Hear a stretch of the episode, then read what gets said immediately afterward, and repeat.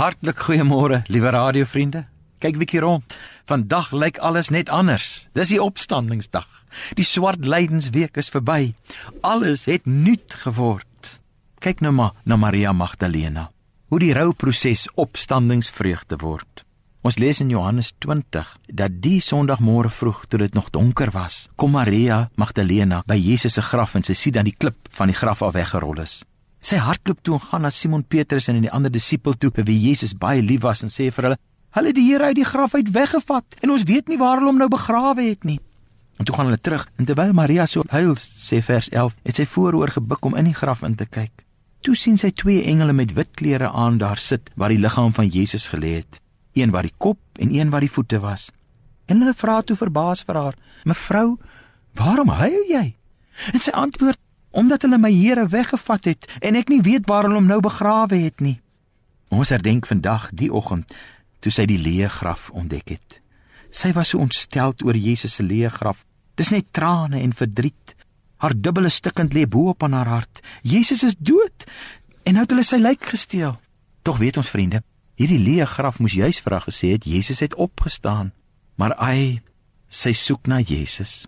Selfs as hy later by haar in die tuin staan, sien sy hom nie raak nie. Nee, sy sien deur haar trane vir Jesus as die tuinier aan en vra ewe hartseer: "Meneer, sê my waar jy hom begrawe?" So naby en tog so ver. Dikwels is ons stukkend so verblindend, ons kan nie verder kyk nie. Dan roep Jesus in vers 16 na haar en na ons. Maria, een woord word 'n opstandingsverhaal. Maria draai om in 'n opstaan lewe as sy sê: "Rabboni, my meester." Ja, sy staan op in 'n nuwe lewe, 'n lewe van getuienis. Sy hardloop na die disippels toe en sê: "Ek het die Here gesien, hy het opgestaan." Ai, vriende, as ons maar verby al die stikkend kan kyk, oor die versier van die kruis na ons stikkende wêreld kan kyk.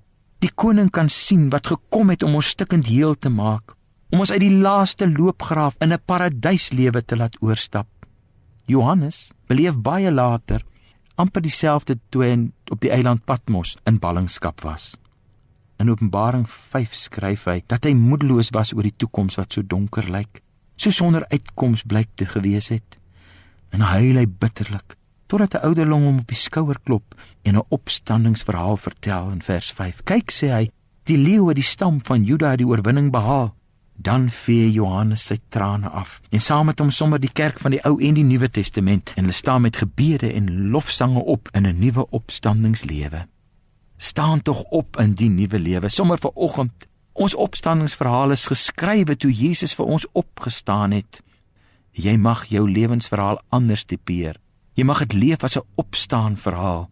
Here, ek wil waarlik opstaan want Jesus het waarlik opgestaan. Amen.